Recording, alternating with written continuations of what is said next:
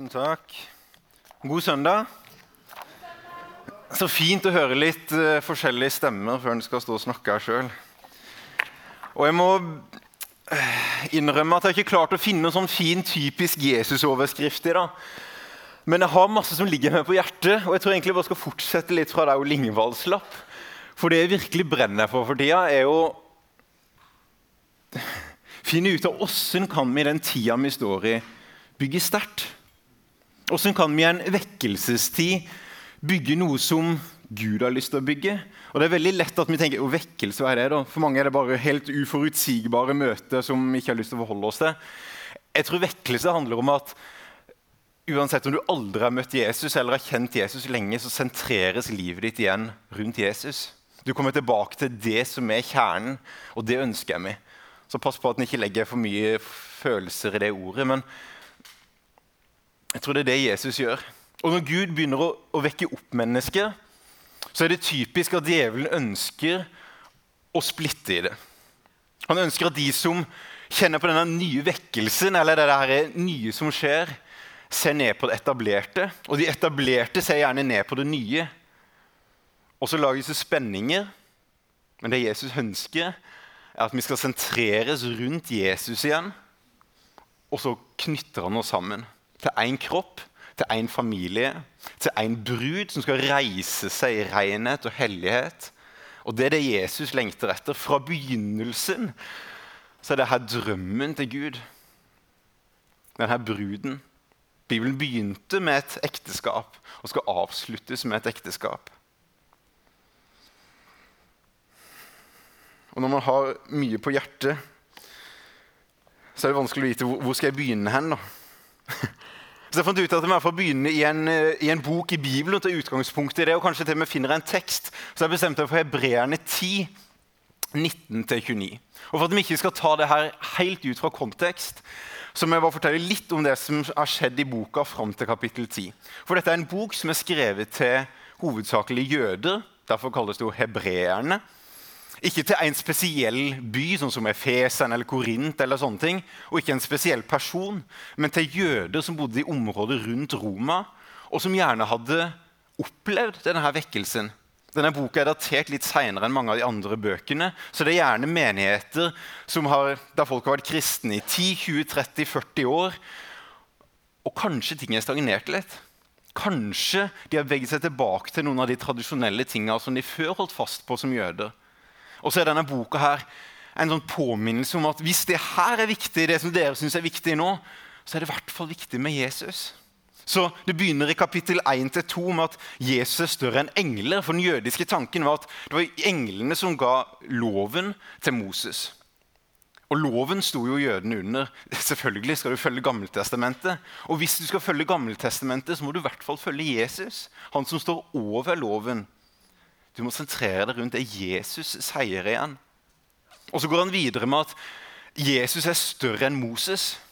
Moses fulgte de jo ut av, i, ut av Egypt og inn i det lova land. Men de gjorde opprør mot Moses, og alle de som gjorde opprør mot Moses, de kom ikke inn i det lova land. De måtte dø i ørkenen. Og så ser forfatterne hebreerne at ikke gjør opprør mot Jesus. Det er enda verre enn å gjøre opprør mot Moses. For han kommer med en nyskapelse. Så kommer en ny himmel og en ny jord. Så gjør ikke opprør mot Jesus. Og så går han enda videre med å si at Jesus er større enn prestene. Presten var det som skulle stå mellom folket og Gud, sånn at de faktisk kunne komme ha tilgang til Gud. Og Jesus er til og med større enn denne mystiske presten Melkisedek, som både skulle være konge og prest i folkets sted. Og Så kom det en prest som skulle alltid være tilgjengelig. Som alltid skulle gå i forbønn for sitt folk. Det er Jesus.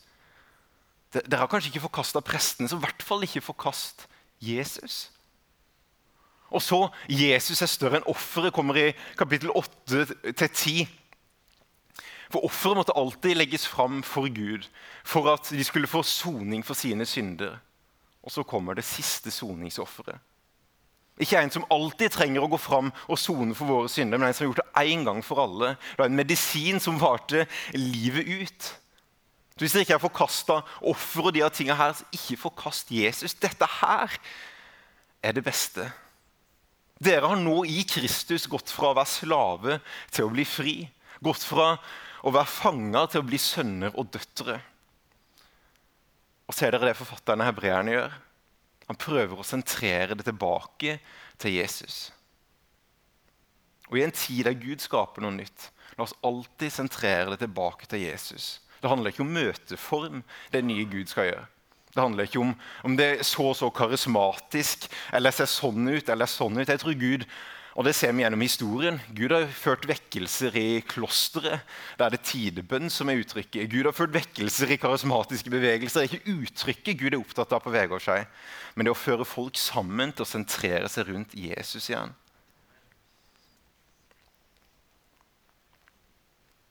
Jeg tror jeg først vil lese teksten, og da gjør vi en sånn eldgammel skikk. Vi reiser oss, og så leser jeg Guds ord for dere. Begynner i, kapit i kapittel 10 og vers 19. Så har vi da, søsken, frimodighet ved Jesu blod til å gå inn i helligdommen.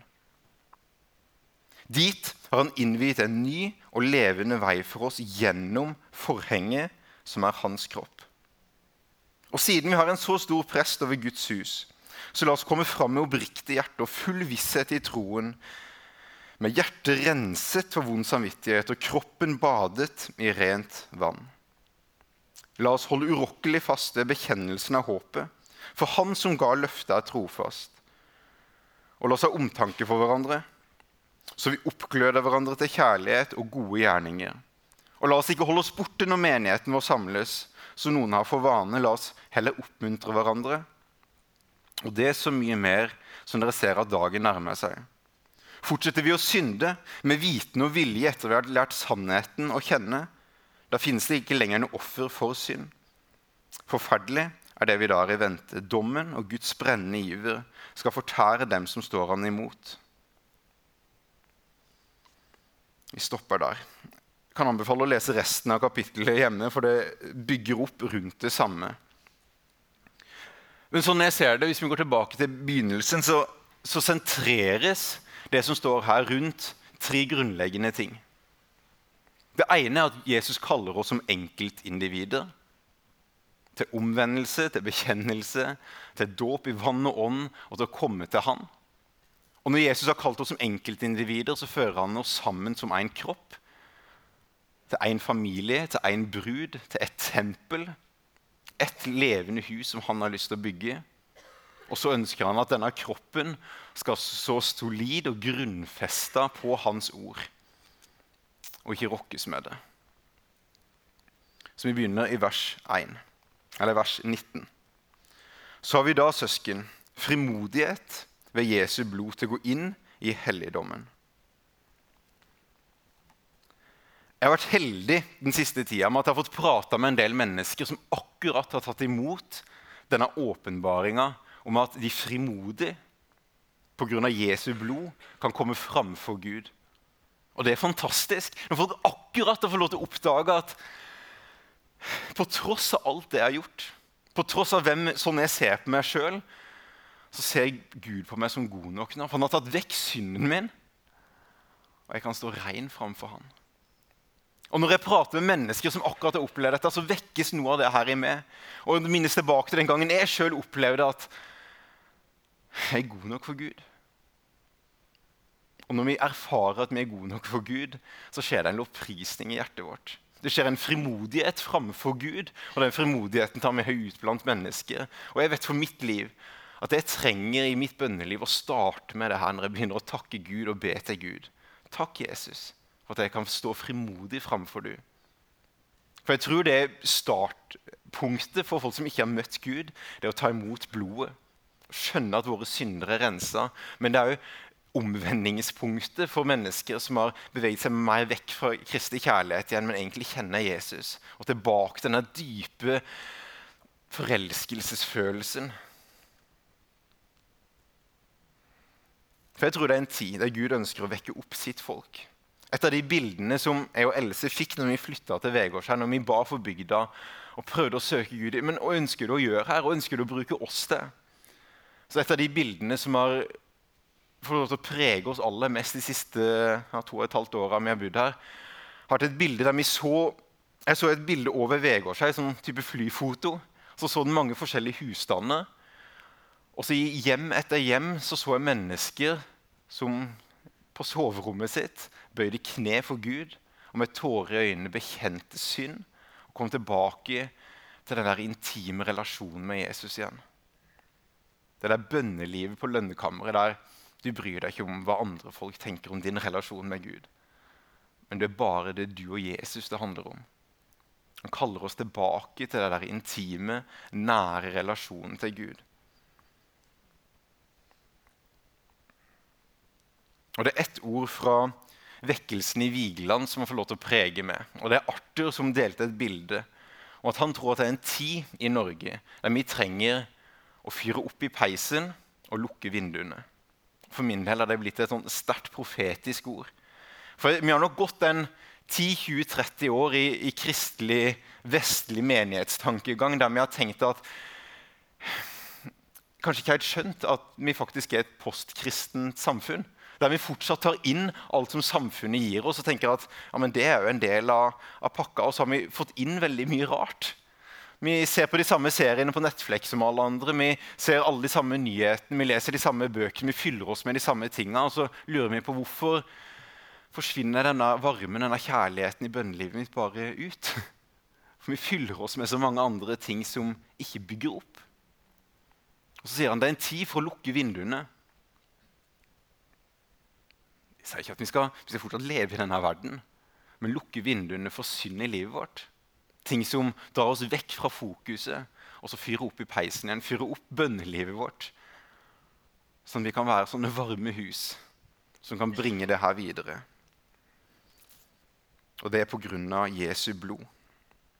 Vers 20. Dit har han innviet en ny og levende vei for oss gjennom forhenget som er hans kropp. Jeg var på Trågfjell med ungene og Kjetil og Karin på fredag. og Da fortalte Karin meg det her når jeg delte den teksten jeg skulle lese, at, det, at en ny vei er innvia, det er annerledes at den er åpna. Hvis en vei bare er åpna, så må du kanskje gå god for den sjøl. Men hvis myndighetene har innvia en ny vei, da har det vært ingeniører der som har sjekka at den her holder mål. Og når Jesus innvier sin vei, så er det ikke bare med å klippe et rødt bånd, men han tar det her forhenget i tempelet, som egentlig skulle beskytte menneskene mot synd. For pga. det forhenget så kunne du komme inn i tempelet uten å dø. Men hvis du kom inn i det aller helligste, så måtte du dø, for Gud tålte ikke synd. Men det forhenget her som skulle egentlig beskytte mennesker, det revner Gud fra øverst til nederst. Neve tjukt, 9 meter høy og 18 meter breit forheng som innvier en ny og levende vei. En ny og levende vei. Og hva betyr det at det er hans kropp, da? Jeg tror det er to forskjellige poeng som, ønsker, som forfatteren ønsker å få fram her. Og Du ser det veldig tydelig hvis du leser Romerne. I Romerne fra kapittel 1 til vers 5-11 så står det om at det er blodet som renser oss for syndene våre. Og Det er her som går igjen hele veien. Det er blodet som renser oss for all, alle syndene vi har gjort. Og så er det et skifte i kapittel 5. Nå prates det ikke lenger om syndene våre, men det prates om synden vår.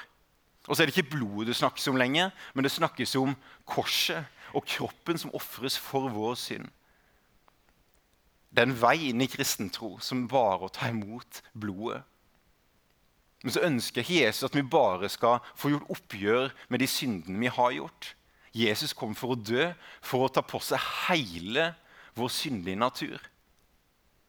Og Den syndige naturen tror jeg er den nye og bedre veien gjennom hans kropp. I i Romerne 6 så står det enormt godt beskrevet.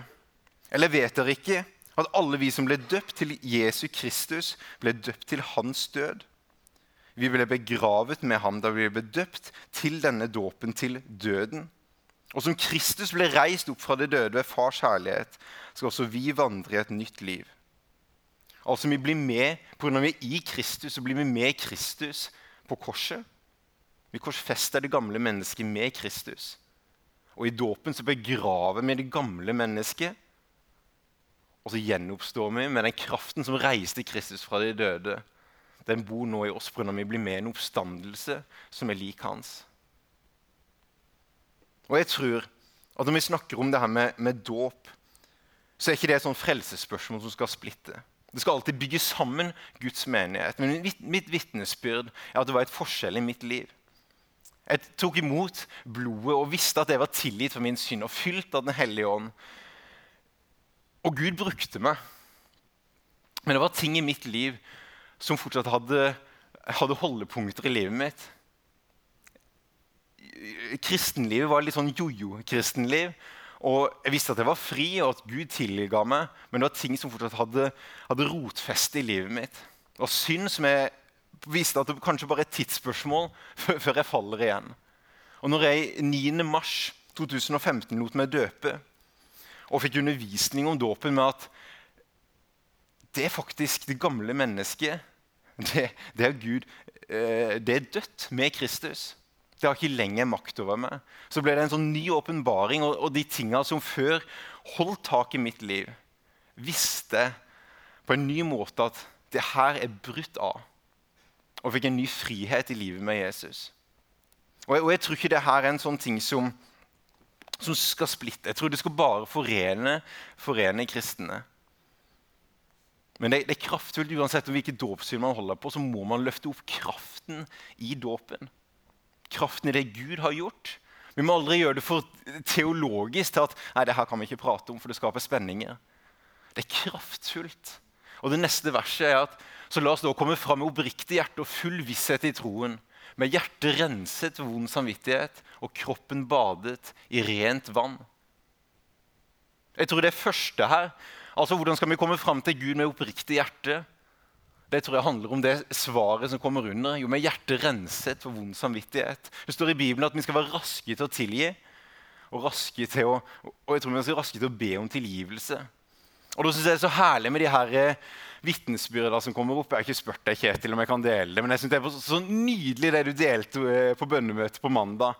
Der du hadde tatt en plomme hos noen. Det var langt vekk fra noen hus, og det var ingen som hadde merka det, men du kom hjem på kvelden og bare kjente at den plomma var ikke min. og så måtte du ringe og be om tilgivelse og gjøre opp for deg for det du hadde gjort. På grunn av, vi ønsker ha hjertet, vi ønsker å ha en ren samvittighet overfor Gud. Og jeg har altfor mange ganger sjøl jeg fort for å gjøre ting uten å tenke, og så ender jeg opp med at ah, nå må jeg gjøre opp for meg. Av det er så viktig at vi har en ren samvittighet. Vi kan komme fram for Gud helt rene. Bare i vår så greide jeg å felle et tre på utsida av tomta mi. Så etterpå på kartet at den sto ikke på min, uh, min eiendom. Og så må jeg ta den telefonen der jeg bare føler meg dum. Og selvfølgelig, folk bryr seg jo ikke. Men så merker jeg etterpå at jeg har tatt den telefonen og fortalt at jeg har felt et tre, og det var ikke på min eiendom. Beklager. Skal jeg gjøre opp for meg? Og så, nei, nei, selvfølgelig ikke. Men så er det noe med Jeg står rakere etterpå. Det bygger karakter. Jeg, jeg ser ennå tilbake til en hendelse på videregående der jeg hadde tatt en plass på en jente under en filmkveld jeg ikke skulle ha gjort. Og så kommer jeg noen uker seinere like flau og like oppgitt. Jeg vet at det her eh, tenker hun sikkert ikke over engang. Og så må jeg be om tilgivelse for det jeg har gjort. Og tenker, Men hva betyr det, da? Jo, jeg gikk med en helt annen karakter på seksualmoral etter det. Pga. samvittigheten min overfor Gud gjør noe når vi passer på at vi har rensa hjertet. Og så den andre setningen her, da. Åssen kan vi ha full visshet i troen? Og jeg tror det henger sammen med det her at vi holder oppe det her med dåp. Med kroppen badet i rent vann. Jeg tror vi kan få full visshet i troen på hvem han er og hva han har gjort i vårt liv. Når vi holder oppe det her at vi er døde med Kristus. Vi er begravd med Kristus, og vi er oppreist med Kristus. Så om djevelen utfordrer oss ja, men Knut Olav, sånn pleier du å gjøre. Eller du er jo sånn. Nei, nei. Nå prater jeg til det gamle mennesket. Det er begravd. Det er dødt og det lukter vondt, så han har ikke lyst til å løfte på lenger. Betyr det at jeg ikke har problemer med synd lenger? Eller at folk som lar seg døpe, ikke har problemer med synd? Nei. Jeg tror kanskje det beste bildet på det er israelsfolket. Det blir henvist til det i første Korinterbrev. At frelsen kan vi se på som Når israelsfolket skulle ut av Egypt, så, så maler de på dørstokkene. Og når de presenterer blodet så går døden forbi. På grunn av blodet så er frelsen der. Du trenger ingenting mer enn lammets blod. Men de var fortsatt i Egypt. De var fortsatt under slavekår. De kunne ha levd hellig liv i Egypt. De kunne ha ært Gud og levd til hans ære. Men Gud ønska å lede dem gjennom Rødehavet og ut i ørkenen og inn i det lova land. Og Det var først når de gikk gjennom Rødehavet og, og, det lukka for egypterne, så var de fri fra slaveriet. Og sånn opplevde jeg det. Når jeg gjennom vannet så opplevde jeg at nå har djevelen ingen makt over mitt liv lenger. Det er ikke noen ting som henger fast, og det er ikke noen ting som han får lov til å, å pirke på meg med. Betyr det at det første du kan gjøre når du kommer ut i ørkenen, er å vende deg vekk fra Gud og synde? Ja. Absolutt. Men jeg tror det er en frihet i det. Og det tror jeg kan være, Uansett hvilken dåpssyn du har, så må vi løfte opp kraften av det. Det er det som er mitt poeng her.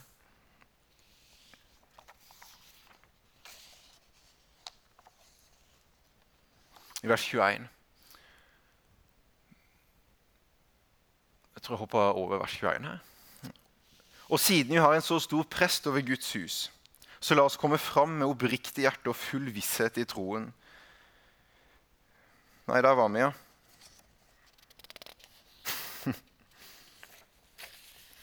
Vers 23. La oss holde urokkelig fast på bekjennelsen av håpet, for Han som ga løftet, er trofast. Jeg vet ikke hva du håper på, men jeg tror at det vi setter som håp i vårt liv, det er med å forme oss. Og det er håpet som skal forme en kristne menighet, aller mest tror jeg håpet for det som skal komme. For vi kan drømme at Gud skal gjøre så så mye blant oss. At Gud skal reise opp sitt rike, at skal bygge ting på Vegårshei. Men det kommer alltid til å være fylt av syndige mennesker som gjør rare ting. Det kommer ikke til å være fullkomment.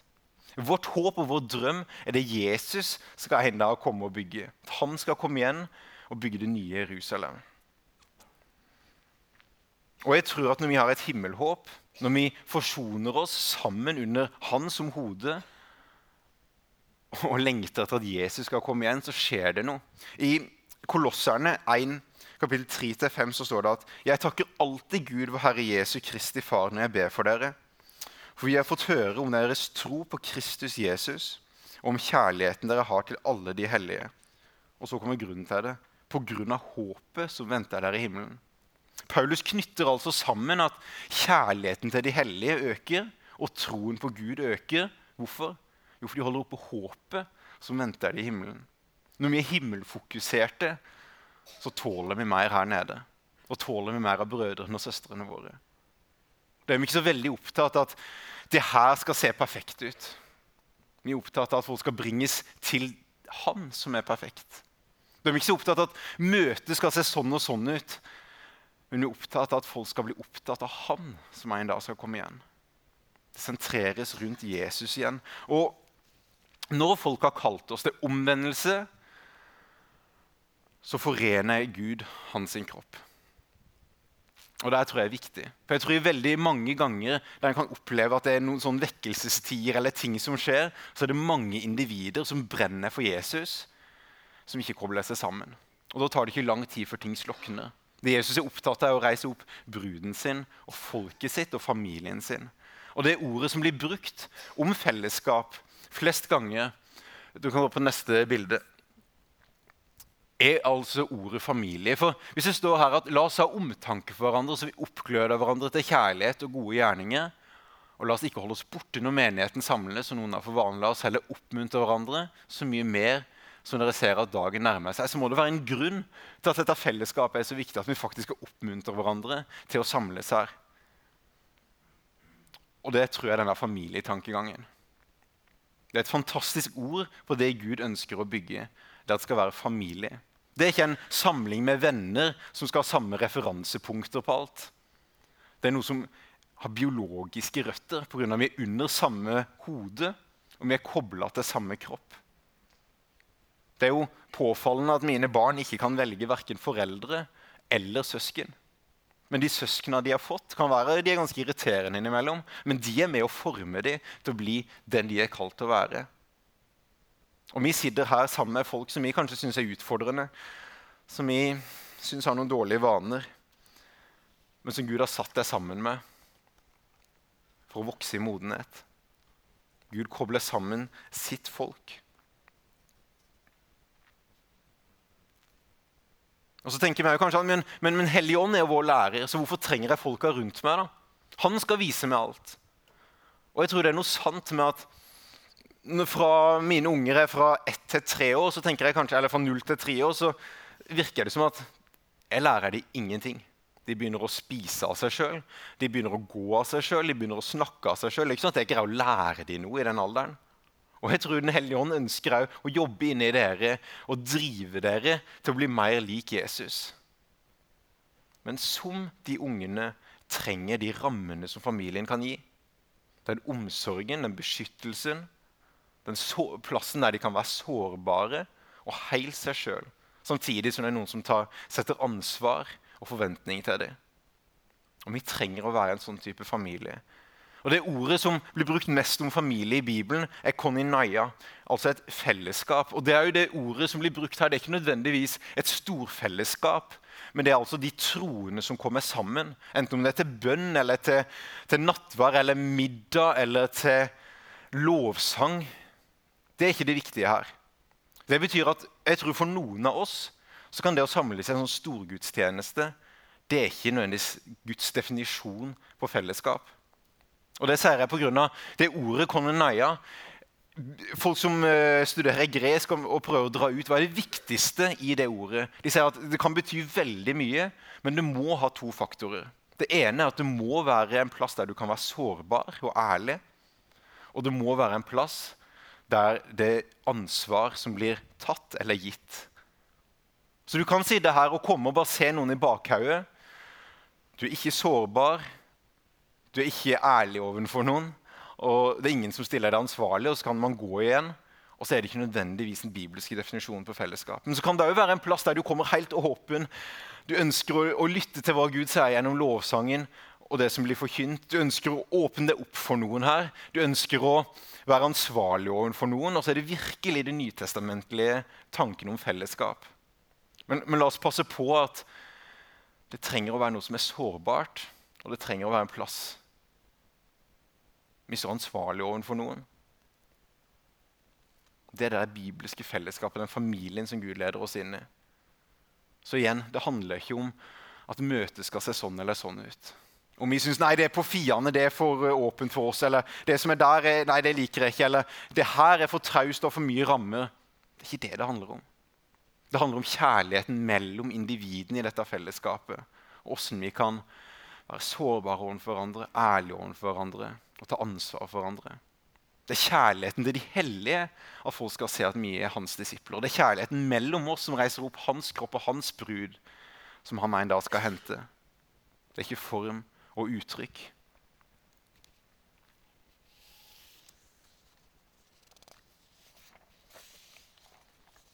Det er interessant også. det er en del psykologer som har forska på hva er den mest effektive formen for å gå fra å være avhengig av noe til å bli fri. Eller den mest effektive formen for terapi er vel det de har forska på. Og så har de kommet fram til at Den mest effektive formen det er AA, altså Anonym alkoholikerforsamlinger. Og hva, hva, skjer der? Det er ofte folk som møtes i en kjeller. da. Ikke på plaststoler, drikker kaffe av en kopp. Og hva gjør de? Hei, jeg heter Knut Olav, hva er et problem? De er ærlige, og så er det noen som følger opp med å stå ansvarlig overfor dem. Har vi noen snev av det i forsamlingene våre? Eller kanskje det betyr at vi trenger å invitere noen på middag, sånn at det kan skje der. Eller hvis det ikke er med en life-gruppe, kobl deg på det. Eller kanskje du klarer det her i matsalen der ute. Være ærlig, være sårbar. Stå ansvarlig, oppmuntre hverandre når dagen nærmer seg. På noen du står ansvarlig for at dere lever Jesuslivet sammen. Ikke pga. dere har de samme referansene, nødvendigvis, men pga. vi er under samme hode. Jeg lovte Vaini å, å, korte ned hvis det trengs, for jeg skal være med på en årsrunden, en sykkelløpet som begynner klokka ett. Men jeg har litt mer tid. Så Derfor er ikke min drøm om vekkelse nødvendigvis at hallen skal fylles eller at møtet skal se sånn og sånn ut. Min drøm om vekkelse er at mennesker skal vekkes og sentreres rundt Jesus. Koble seg sammen i kjærlighet at familier blir forandra. og til at det skjer noe på dypet av hjertene våre. Og Det er en bok som har påvirka meg litt de siste ukene. For det er et spørsmål jeg har at Gud har stilt meg i bønn når jeg har bedt for Vegard Skei. Men, men er dere klar? Er dere klar for disippelgjøret? Vi lever i en sekulær verden der når mennesker møter Jesus, er det ikke nødvendigvis sånn det var for 50 år siden. At de hadde alle de kristne tinga på plass. De hadde vokst opp med salme på skolen, de kjente evangeliet. Kanskje de måtte vende seg om fra grådighet og så gi livet til Jesus, og så var alt på plass. Men det er ofte mange ting som må falle på plass når folk kommer til tro. Og det, det er en bok som er skrevet av en dame med et fantastisk navn. Rosaria Champagne Butterfield. Hun har skrevet en bok som heter 'The Gospel Comes With a House Key'. Og Bare her i menigheten så utfordrer det meg, for det er ikke sånn at jeg og Else lever det her helt. Men, men, vi har folk som oppmuntrer meg, og som utfordrer meg på det her. Anette og Jørn vet vi har virkelig åpna opp huset sitt. Vi vet at Nygård-gjengen har et hus der de, når de tar imot når folk blir ledet til frelse, så er det ikke bare et evangelium de får, så må de klare seg sjøl. Det er en familie de blir en del av. Kjetil og Karin her, Og jeg vet at det er masse folk som presenterer evangeliet òg med en husnøkkel. Men jeg vet i hvert fall at det utfordrer meg. Og det vitnesbyrdet hennes er jo fantastisk i seg sjøl. Hun var 40 år. Hun jobba på et prestisjetungt universitet i New York og hadde doktorgrad i engelsk litteratur og var en av lederne i LGBTQ pluss-miljøet. Hun var aktivt feminist, levde i et lesbisk forhold og skulle skrive en bok om hvorfor det konservative kristne miljøet var en destruktiv samfunnsfaktor i New York. Så hun prøver å finne noen informanter og, og finner et konservativt ektepar som hun ønsker å, øh, å, å, bli bedre kjent med for å kunne bruke de som informanter for egentlig ødelegge de sin bevegelse. Og de inviterer henne på middag. Og så inviterer de henne på, på, middag hver uke. Så i løpet av det året så er hun der på middag og prater om de, og hva de gjør, og, og, og om Bibelen hver uke. Og I begynnelsen var det at hun kom tilbake til universitetet og, og bare mobba dem for at de er mine gratis informanter. og Nå bare destruerer jeg de sitt eget rykte. Og, men i løpet av et år så begynte det å skje noe med hjertet hennes. sitt. Og det neste året begynte hun å stille mer åpne spørsmål. Og begynte å lese Bibelen, og hadde lest gjennom Bibelen sju ganger. Og så fant hun ut av at jeg tror på det her. Så etter to år så ga hun livet til Jesus. Og så fortalte hun akkurat nå hun ga livet til Jesus, så opplevde hun som den mest ensomme tida i sitt liv. De første dagene. For hun hadde alle sine venner var i, i LGBTQ pluss-miljøet. De ville ikke ha noe med henne å gjøre lenger. Hun skjønte at hun måtte ut av det forholdet hun var i. Hva gjør hun da? Men den familien som hun hadde vært hos, de ga jo ikke bare evangeliet, men de ga jo husnøkkelen sin. Så hun fikk lov til å bo hos dem og være en del av de sin familie. Og det ble redninga hos sin. Og, og, fra den dagen så var det mange ting som ikke var ordna opp i livet hennes. Og det var masse ting som hun fortsatt sleit med. Men i løpet av noen år så, så, begynte ting å falle på plass. Og til slutt så sa hun at så tok jeg meg til meg sjøl i å be om å få en mann. Og Ti år etterpå så har hun mann og seks barn og lever ut dette, det hun skriver i denne boka om at evangeliet kommer med en husnøkkel. Hun har folk som bor hos dem hele tida og får presentert bare å elske naboene sine. Hun er ikke så opptatt av å dele evangeliet med en gang. Hun er opptatt av å vise gjestfrihet og vise et praktisk eksempel på Jesus. Og det her tror jeg utfordrer oss som vegårdseinger i den tida vi står i. For jeg tror vi skal se at folk våkner opp. Men er interessert i å forandre på kalenderen vår, på tida vår, på hvordan vi innretter oss? For jeg tror det, Vi har også lett for å bli så opptatt av det som skjer her inne, eller i møteformene våre. At vi setter kjærligheten til det fellesskapet, eller ideen om hvordan fellesskapet skal være, høyere enn kjærligheten til dette fellesskapet. Og Det er et sitat fra Didrik Bonhoeffer, som levde mens eh, naziregimet i Tyskland hadde sin fremmarsj og sjøl ble drept av dette naziregimet. Han prøvde å leve dette her og skrev en bok som er helt fantastisk på, eh, om fellesskapet, det bibelske fellesskapet. Og Han skriver at den som elsker ideen om det perfekte fellesskapet Og jeg kjenner at dette utfordrer meg, for jeg er en drømmer og en idealist og en som ønsker å bygge noe perfekt. Men dette prater til sånne som meg. Den som elsker ideen om det perfekte fellesskapet høyere enn det kristne fellesskapet i seg selv, blir selv en ødelegger av fellesskapet, selv om intensjonene er ærlige og tjenende. Vi går kjapt over til den siste delen. Fortsetter vi å synde med, synde med viten og vilje etter at vi har lært sannheten å kjenne, da finnes ikke lenger noe offer for synd. Forferdelig er det vi da har i vente. Dommen og Guds brennende iver skal fortære dem som står han imot. Den som forkaster Moseloven, møter ingen barmhjertighet, men må dø på to eller tre vitners ord. Hvor mye strengere straff synes dere ikke den fortjener som har trampet Guds sønn under fot, vanhelliget paktens ord, blod som han selv er blitt helliget ved, og spottet nådens ånd. Dette kan føles som harde ord. Og Jesus presenterer det samme. med at Det er tilgivelse for mange synder, men hvis du spotter en hellig ånd, da er det ikke tilgivelse lenger. For det er noe med at hvis vi hører en hellig ånd kalle oss til noe, si noe at du må vende om fra dette, Knut Olav, og så tar vi et steg vekk. Vi ønsker ikke å høre på Den hellige ånd. Så vi beveger oss litt vekk fra Den hellige ånd kan tale til oss i våre liv. Og det er litt skummelt. Jeg sier ikke at vi er fortapt pga. det steget. Men neste gang Den hellige ånd sier noe til oss, hvorfor skal vi nå høre på Den hellige ånd? Nå står vi jo litt lenger unna. Det er kanskje litt vanskeligere å høre hans stemme til og med. Så tar vi ett steg til. Og så tar vi ett steg til. Og så plutselig ser vi så langt unna at vi ikke engang hører samvittigheten kalle på hjertet vårt. Og det er alvorlige ting. Og jeg tror at det her utfordrer oss til spesielt to ting. Det ene er at vi har et personlig ansvar. For vi skal sjøl stå ansvarlig på dommens dag overfor det vi har gjort. Vi kan ikke stå ansvarlig for at ja, men menigheten sa aldri noe til meg om det her.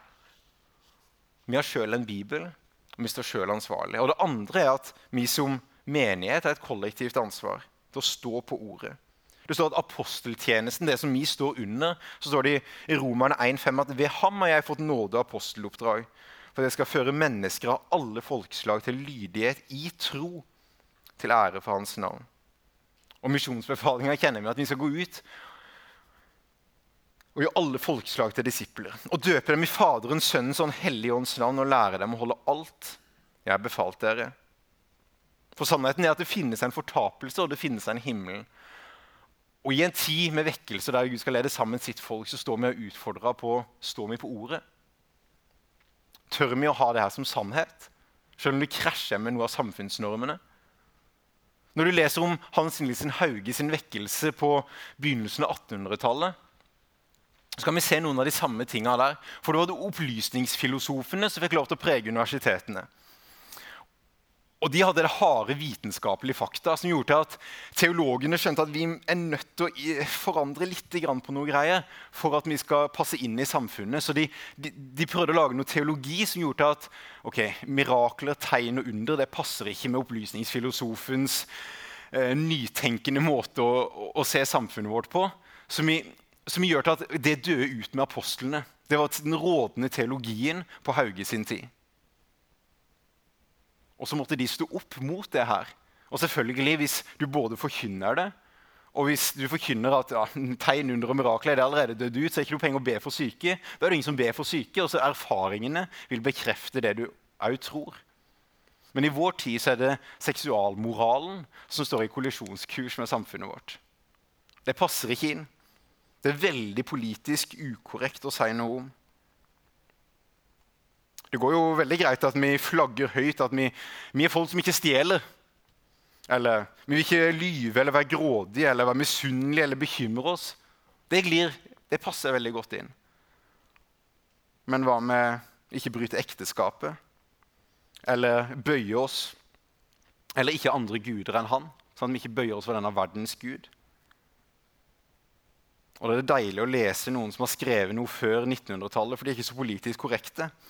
Søren Kirkegård skrev i 1850 Det nye testamentet er svært lett å forstå. Men vi mennesker er noen utspekulerte svindlere. Vi later som vi ikke kan forstå, som om vi at vi ikke kan forstå. For hvis vi forsto, så måtte vi straks handle deretter. På slutten av dette sitatet så er han ikke så nådig i uttalelse mot teologer. Han sier at teologene er unnasluntrernes høye beskytter. Og Det er et veldig høyt slauspark, og jeg står ikke bak alt av det. Men det er noe i det her. Les dem ordet for det det er. Og tør vi stå på det, selv om det koster oss noe. Jesus sier at verden vil hate oss. Akkurat som du vil hate Jesus, vil han hate oss. Ikke pga. vi skal oppføre oss dårlig eller elske mennesker eller si ting med visdom, men pga. at vi har bytta borgerrett. Vi er ikke lenger borgere av denne verden. Vi har bytta over til himmelsk borgerskap. Så verden forstår oss ikke. Vi lever etter noen andre standarder og andre premisser. Og Jeg vil bare avslutte med å lese litt fra en artikkel som jeg leste fra en ung, velformulert uh, ung mann som skrev en artikkel på Dagen i går. Om de her to vekkelsene som, vi, som kommer over landet vårt. Den ene er kanskje woke-vekkelsen, fra det engelske ordet med å bli oppvakt. Og det andre den vekkelsen som vi kan lese noe om på Vigeland, bl.a. Jeg synes det er godt formulert da han skriver at vekkelsen på Vigeland og den vekkelsen som har fått navnet, det engelske, ja, det engelske navnet woke, er på mange måter to motsatser. Det man våkner til for den ene bevegelsen, er bakvendtland for den andre. De som våkner på Vigeland, oppdager at de er syndere. At de ikke er gode nok. De er skyldige etter loven og fortapt. De trenger en frelse. De gode nyhetene er at Jesus har tatt på seg straffen, slik at den som tror, går fri. Woke-ideologien forkynner et annet evangelium. Det er ikke ditt hjerte som trenger å forvandles, men maktsystemer i samfunnet. Du trenger ikke noe soneoffer, ettersom du selv er offeret. Det er ikke synd som er problemet, men usynlige maktstrukturer laget av undertrykkere. Du trenger ikke omvende deg fra noe som helst. Det er samfunnet og omgivelsene som må ettervendes. For det er ikke sannheten som setter deg fri, men kampen mot de privilegerte. Du skal ikke være ydmyk for at du ingenting kan gjøre, men stolt over den du er. Du skal ikke feire han som vant over døden og satte deg fri, men feire deg selv, din identitet og din kamp. Ja, gjerne en hel måned. Om noen vil være med i feiringen av deg og din kamp, må vedkommende i skammekroken. På Vigeland fylles syndere med takknemlighet over det Jesus har gjort. De bøyer kne og løfter hender for han som har tatt på seg all skyld og skam. Har man blitt woke, har man oppdaget at man har grunn til å være bitter og utilfreds. En ser alt av urettferdighet man blir utsatt for, og oppdager hvor urettferdig verden er innrettet. På Vigeland får mennesker en ny herre i livene sine. De forsoner seg med sin far i himmelen og en far som elsker dem og dør for dem. I woke-ideologien finnes det ikke noen gode autoriteter. Alle autoriteter er maktpersoner ute etter sitt eget beste. Her skal man ikke bøye seg for noen. Mens man på Vigeland forkynner at vår vonde vilje må bøyes under den allmektiges hånd. Forkynner woke-ideologien at din vilje er undertrykket av maktstrukturer.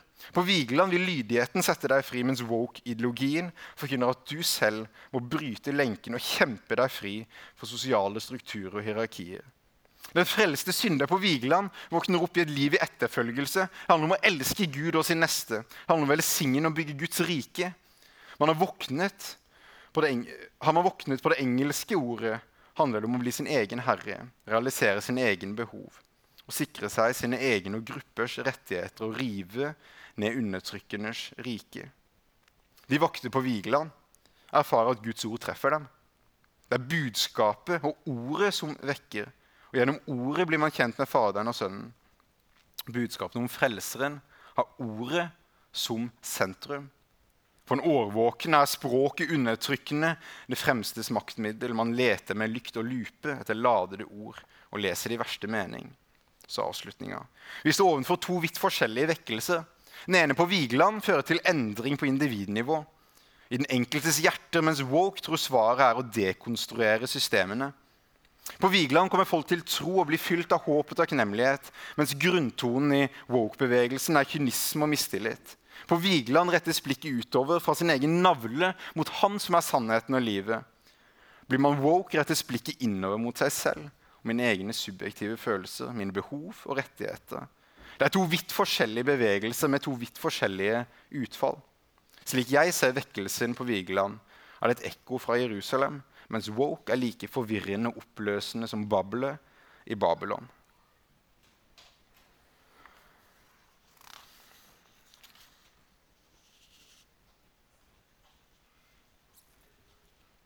Ja, Det er altså skrevet av Jarle Mong. Det fikk jeg ikke sagt.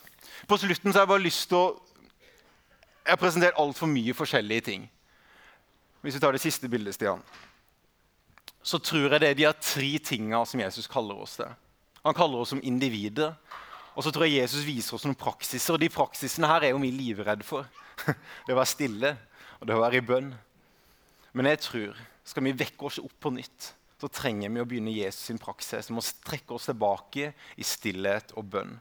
En utfordring til oss som kristne.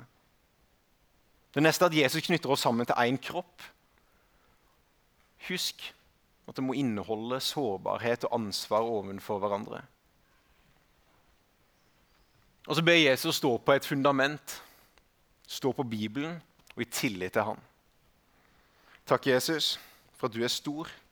Du er skaperen, og vi er det skapte. Jeg ber om at de tinga som eh, har vært mine ord i dag, og som ikke er ditt, eh, ditt, rike, skal bare falle vekk. Og så ber jeg om at det som er Den hellige ånd, og som har rørt her i dag, som, som er du, pappa, skal få lov til å gro røtter og bli værende. I Jesu navn. Amen.